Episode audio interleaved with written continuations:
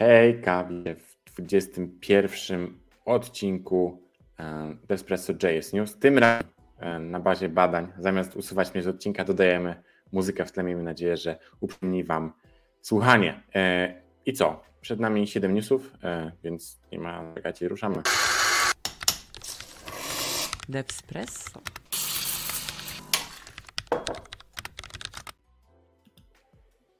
Dobra, i zaczniemy od nowej wersji Safari, mianowicie jest to wersja 17.2 i do tej pory było tak, że zasypywaliśmy Was informacjami odnośnie wszystkich feature'ów, jakie były w danej wersji przeglądarki i jest ich bardzo dużo i w tej wersji się to nie zmienia. Więc postaramy się to zrobić jak najszybciej możemy, a resztę sobie po prostu zobaczycie w release notesach, bo jest tego sporo. Tak jak mówiłem, zazwyczaj tak jest, bo naprawiają dużo błędów, dodają dużo mhm. rzeczy, więc to jest bardziej informacja dla Was, że jeśli na coś czekaliście albo mieliście jakiś błąd, na przykład Franek ostatnio miał, znalazł baga w Chromie, może Wy też mieliście baga w Safari, to e, jest to okazja, żeby sobie sprawdzić, czy akurat nie dodali tych rzeczy albo nie naprawili. I przez ostatnie 28 miesięcy mieliśmy 17 wersji Safari, takie informacje zostały podane, więc oni idą naprawdę, naprawdę szybko. Mm. I te newsy możemy sobie podzielić na takie sekcje. W sekcji HTML, która pewnie większość z Was będzie interesowała, zosta został dodany atrybut e, name na elemencie details i on służy mm -hmm. na mhm. przykład do implementowaniu um, takiego interfejsu jak um, rozwijane listy. I teraz -hmm. możecie sobie po prostu y, dodać taki atrybut i gdy klikacie kolejny rozsuwany element, to ten wcześniejszy się zamyka. To nie jest może coś, co zawsze chcecie używać, ale w niektórych przypadkach to się sprawdza i dzięki temu troszkę łatwiej coś takiego zaimplementować. Y, z sekcji CSS mamy poprawione zagnieżdżenie, bo do tej pory trzeba było używać jakichś um, dziwnych znaków albo innych trików, żeby to działało. Teraz po prostu hmm. zagnieżdżacie i działa. Mamy nowe jednostki. Y, jedną z nich jest LH, a drugą RLH, ale one są powiązane tak samo jak jest M i REM, tak? Więc tu w zależności czy odwołujecie się do ruta, czy nie, ona akurat związana jest z wysokością czcionki. I z tymi czcionkami jest kilka różnych innych jednostek. Wszystkich nie będę Wam tutaj przytaczał. Jedną z nich jest CAP, z którą może, może już się gdzieś. Mm, gdzieś to było, gdzieś to było w tym tak, odcinku. To było poruszane przy. No nie wiem, ja tam. To mi się pojawiało często na Twitterze. E, z, z jakichś innych w ogóle rzeczy. Ja też z Safari kojarzę, że było gdzieś w temacie Safari, to się też pojawiło. Także jest, jest, jest, jest, jest żywe. E, ja kojarzę to bardziej jako cap coś mhm. takiego. I to mocno promował mm, ten gość od mm, też CSS in JS, teraz sobie nie przypomnę, ale on teraz pracuje w Shopify'u. Ten, co wtedy te memy z Jezusem wysyłał, pamiętasz? Nie, ale dobra, dobra wierzę, no, wierzę. Ale jak może ktoś wie o kogo chodzi, więc pozdrawiamy taką osobę. On mi się wydaje, że ma nazwisko na Kormał? Kormał? Coś takiego? Nie, on ma trudne nazwisko. Nieważne.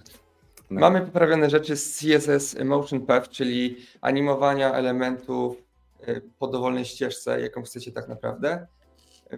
Mamy też mieszanie procentów i długości dla funkcji CSS Math. Więc hmm. tamtych rzeczy z CSS-em jeszcze było dużo. Tak jak mówiłem, mówimy tylko o najważniejszych. Mamy y, image source set dla obrazków, czyli poprawienie responsywności, a mianowicie wstępnego zabudowywania obrazków. Jesteście w stanie sobie teraz to wszystko ustawić, żeby Wam robiło preloading po prostu danego source seta e, tak. na Waszym page'u. W sekcji JavaScript mamy import attributes, o których mówiliśmy już nieraz w odcinkach, więc e, pominę to, ale jest dla nas wsparcie. Mamy metody na przykład format range, która zwraca zaokrąglenie liczb, które do niej wsadzicie, więc też całkiem spoko i reszta jest do oglądnięcia w release notesach. Myślę, że to były tak takie najważniejsze rzeczy i możemy przejść sobie dalej. A dalej nie, niepokonane. Nie, dobra, może powiem tak, nie ma tym razem Astro, to jest wyjątkowy odcinek, gdzie nie mamy Astro, ale Dino jest, Dino jest zawsze, oni też y, myślę, że mają nawet więcej y, wydań, czy tam release'ów niż Safari, który miał 17, tak.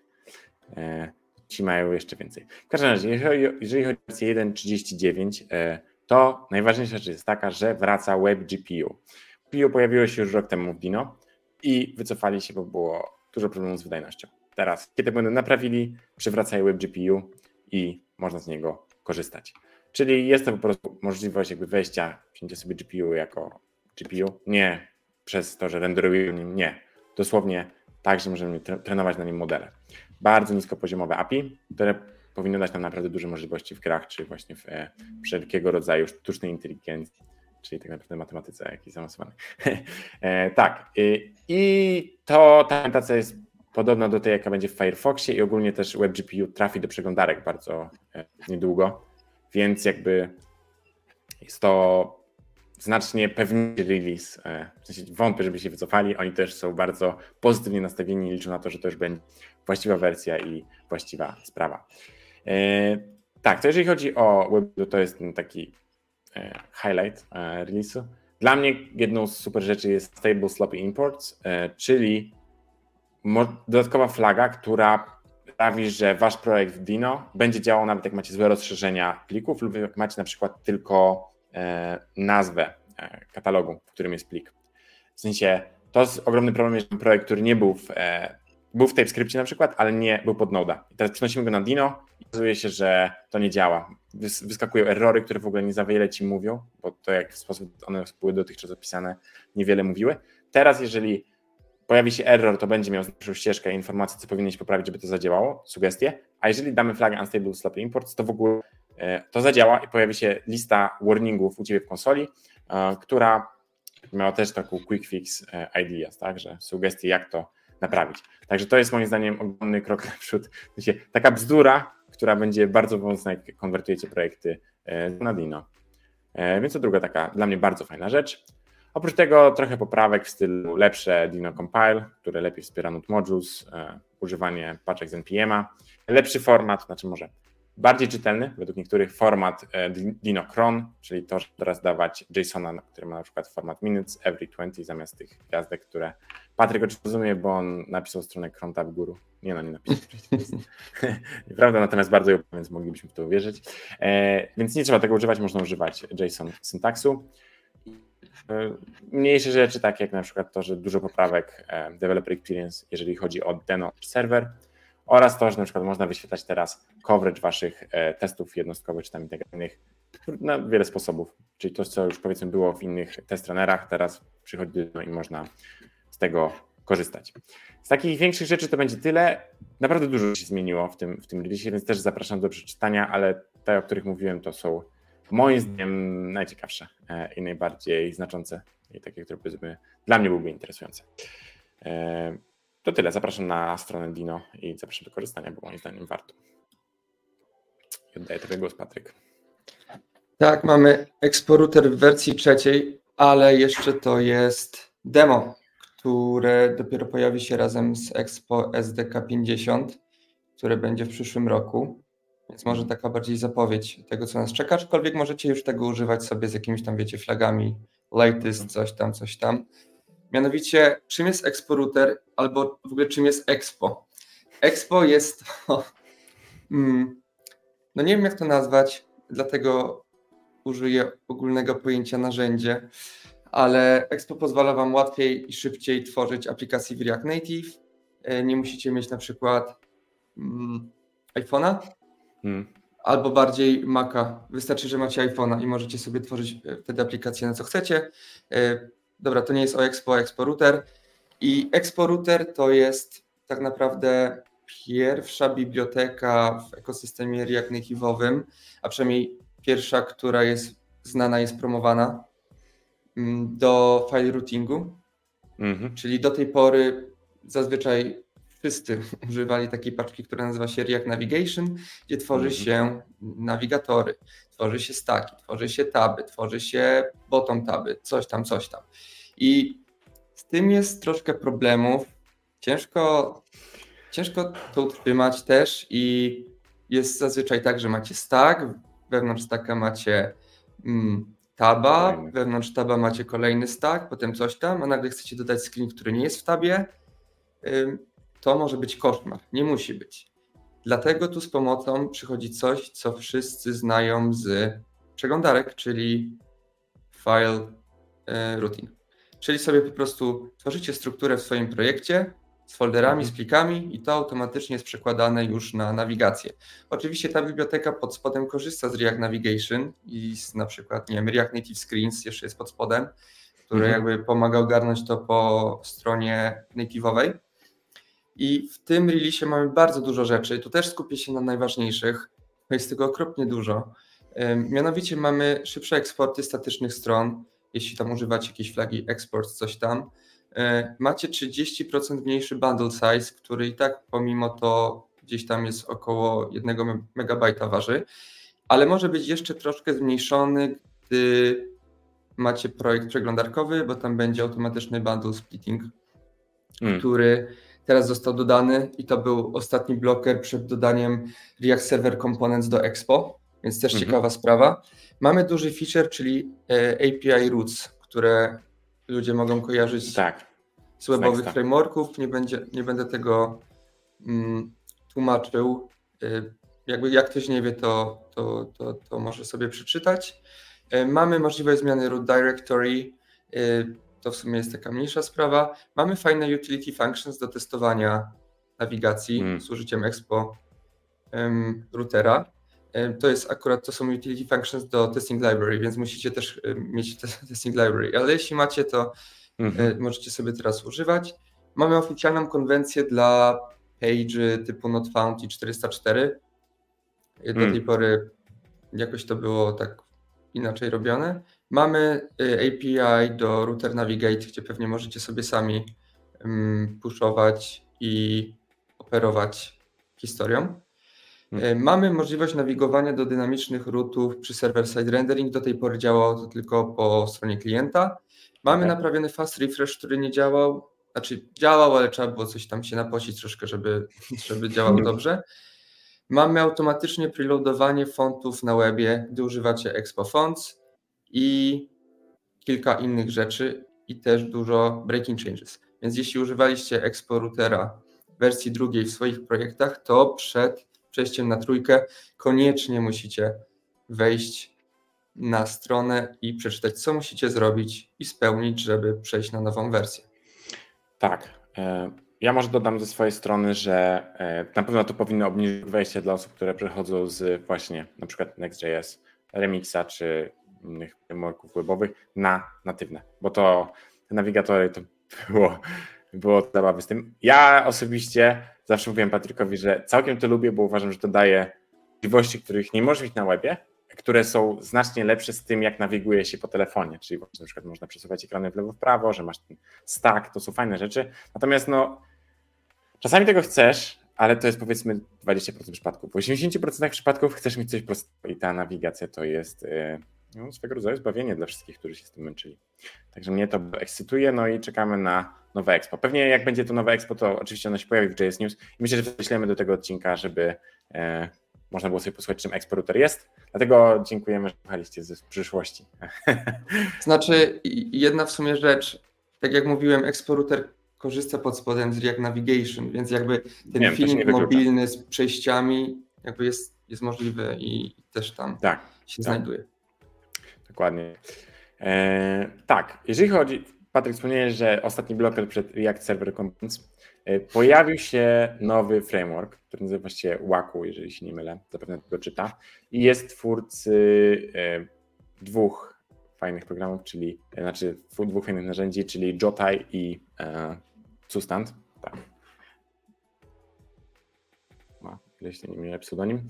I stworzył on e, na bazie Vita, więc jakby tam jest ten Vite wykorzystywany. Framework, który, który jakby jest powiedzmy frameworkiem do e, React Server- Components, czyli jak wiecie jest pewna drama związana z nimi, tak, jest podział, czy one są fajne, czy nie są fajne. Next wpycha je kolanem, a my wcale ich nie chcemy, albo Bogu, że już są, są najlepsze, pozwala wszystko. Różne są zdania. Natomiast to, co jest kluczowe, to to, że jeżeli używamy Server Components Next.js na przykład, to tam jest też dużo rzeczy z Nexta. To znaczy, to już jest implementacja, która ma też jakiś narzut, taki, który może mniej pozwoli nam zrozumieć, czym faktycznie są React Server Components. Więc Waku to jest podejście pod tytułem tylko Vite i tylko React Server Components. Wszystko inne jest dodatkowe. I myślę, że nawet jeżeli nie jest to, co potrzebujecie, bo nie wiem, nie znam bardzo przypadków, gdzie to jest akurat coś, co jest niezbędne. Natomiast możecie z tego skorzystać, żeby zrozumieć, jak działają React Server Components, przyjrzeć się temu rozwiązaniu i na przykład potem zrozumieć, w którym momencie coś jest React Server Component, a w jakim momencie coś jest jakby funkcją Nexta, e, funkcjonalnością Nexta. Także to jest swego rodzaju troszeczkę eksperyment. W ogóle Vercel zasponsorował e, możliwość deployowania WAKU na, na Vercelu, sensie jest sponsorem frameworka, więc te, można sobie go tam zdeployować w bardzo łatwy sposób. Więc jeżeli chcecie się pobawić z React Server Components, to myślę, że to jest najlepsze miejsce. E, Next, który jest trochę kobyło, o czym mówimy pewnie co odcinek, e, nie jest najlepszym sposobem, żeby eksperymentować React Server Components, ale myślę, że WAKU właśnie jest i podstawienie jakiegoś tam super malutkiego proof of concept, które pozwoli Wam zrozumieć ideę, jest bardzo, bardzo proste. Także zapraszam e, gorąco.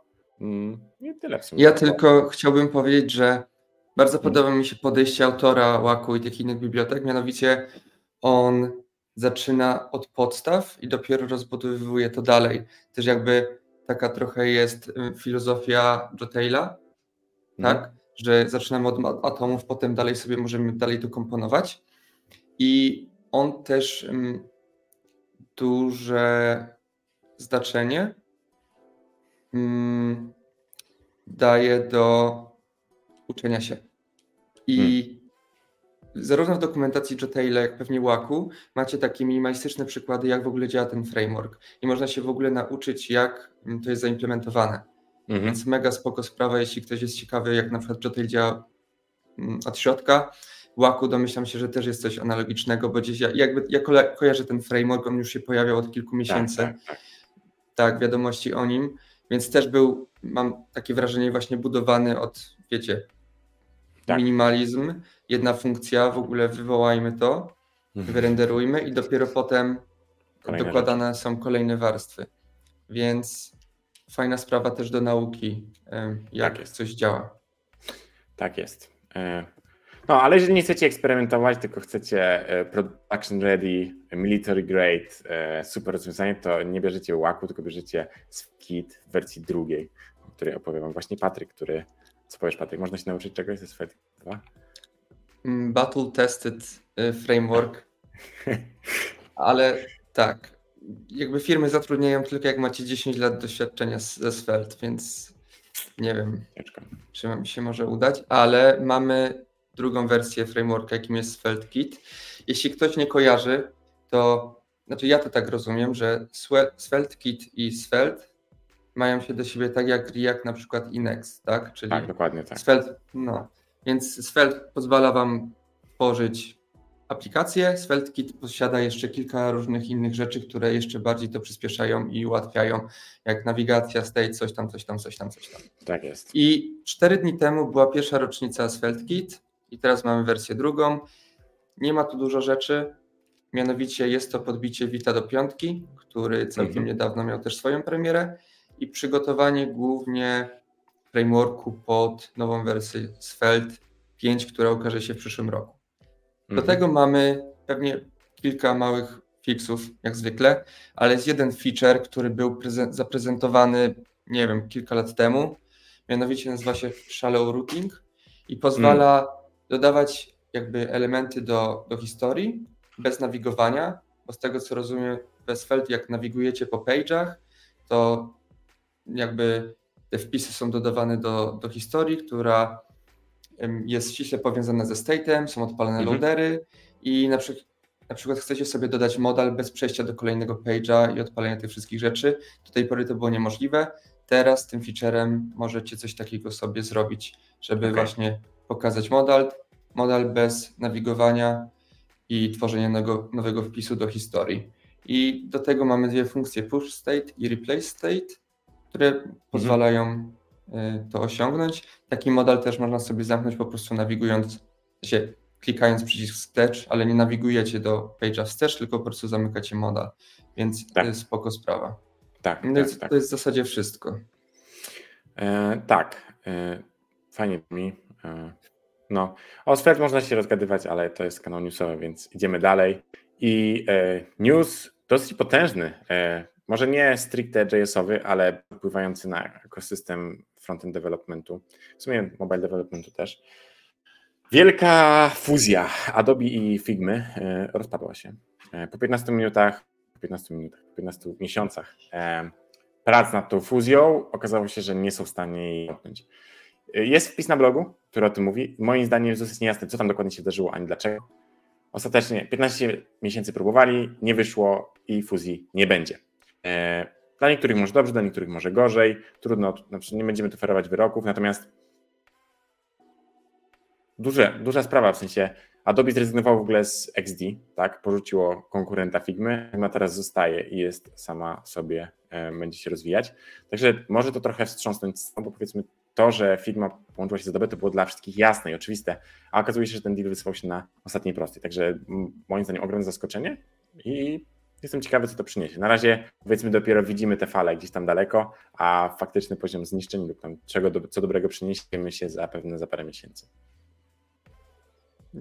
Chyba z tych, z tych newsów tylko tyle. E, więc tu nie można w tym momencie więcej powiedzieć. Gdybyśmy byli może wewnątrz Figmy albo wewnątrz Adobe, to moglibyśmy powiedzieć więcej, ale tak jak mówię, wpis na blogu bardzo, bardzo płytki. E, dlatego daję Ci, Patryk, głos, bo wiem, że lubisz mówić o programach, które są busted i e, military grade i production ready i tak dalej. Dlatego dzisiaj program wersji 0.21. Ty, ty wpisałeś na listę, żeby była jasność, nie ja, e, tylko Ty. Tak, bo to, że napisali, że tam jest General Availability, czyli można używać.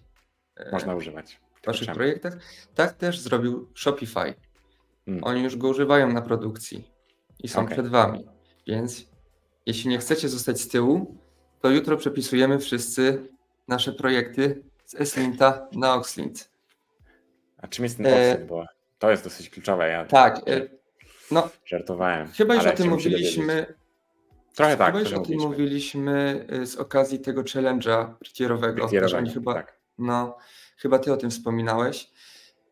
Mianowicie jest to JavaScriptowy, TypeScriptowy linter, który jest napisany w Raście, czyli jest szybki, jak się można domyślać. No. Twierdzą, że od 50 razy do 100 razy szybszy niż Eslint i Shopify zredukowało swój step lintowania w swoim CI z 75 minut na 10 sekund. Nie wiem, co oni lintowali przez te 75 minut. Ciężko mi sobie to wyobrazić, ale no, jakby widać ogromną różnicę. E, nie chcę w to wchodzić, czy jakby oni dobrze lintowali swoje projekty, czy nie, e, skoro to tyle trwało, e, ale no, ja się nie znam, tak, to jest Shopify. Mm, nie wymagana jest, jest, żadna konfiguracja, używacie sobie tylko komendy npx oxlint, tam instalujecie, on sobie po prostu już działa i autorzy rekomendują, żeby to był po prostu step przed slintem, żeby mhm. mieć szybko feedback, jeśli cokolwiek jest nie tak, tak? Bo jeśli wasz, e, nie wiem, linter, macie z nim problemy, używacie jakichś rulów, e, które są niezoptymalizowane i leci wam to 10 minut, możecie szybko użyć oxlint, i w sekundę dostaniecie feedback, że o, coś jest popsute i nie marnujecie czasu. Mm. Nie ma no. customowych ruli, więc to no jest właśnie. dosyć duże ograniczenie i taki bloker przed używaniem. Ja osobiście zastanawiałem się, czy nie napisać jakiegoś skryptu, który będzie Wam sprawdzał kompa kom kompatybilność Waszego projektu S-lintowego mm. z X-lintem i czy możecie się przerzucić, ale porzuciłem ten pomysł. Mm. I co? I w zasadzie to wszystko. Mm. Jakieś tam basicowe rule są do Reacta, tak. JSX-a, accessibility, nie, no, ale... Nie, nie, nie źle bym powiedział, bo z tego co patrzyłem, to oni zaimplementowali, w sensie wzięli najbardziej popularne pluginy nawet do Eslinta i powrzucali z nich zasady, w sensie te są obecne, więc jest duża szansa, że jeżeli macie jakiś nie bardzo wyszukany konfig, e, tylko coś normalnego, nazwijmy to, to jest duża szansa, że większość z nich będzie wspierana. I tak jak mówisz, w takim szybkim przelocie dostaniecie szybko informacje. Tylko pewnie możesz mieć trochę false negatives, czy tam false positives takie różne rzeczy e, związane z tym, że on może być po prostu jeszcze nie gotowy na swój e, czas szczytu. Prime time, tak. Tak. I to wszystko. Tak jak mówiłem, nie zamieniajcie od razu Eslinta. możecie Tak. jeszcze poczekać. Tak. To też rekomendują autorzy i radzę się ich posłuchać w tym przypadku.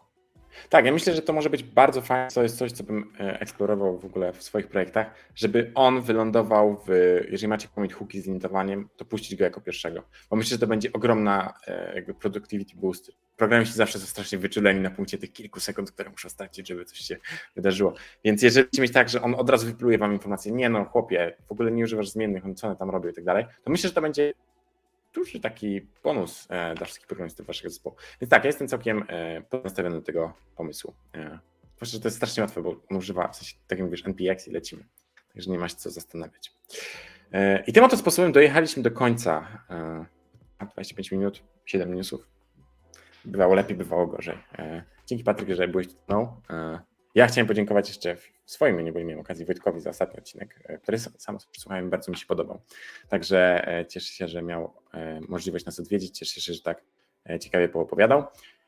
I pozdrawiamy Cię, Wojtku. Wobec tego kończymy. Zostawimy Was z muzyką na kilka chwil. Dajcie znać, jak Wam się podobało muzyk Espresso, JS News. E, Dzięki i smaczne kawy. Cześć wszystkim, miłego dnia.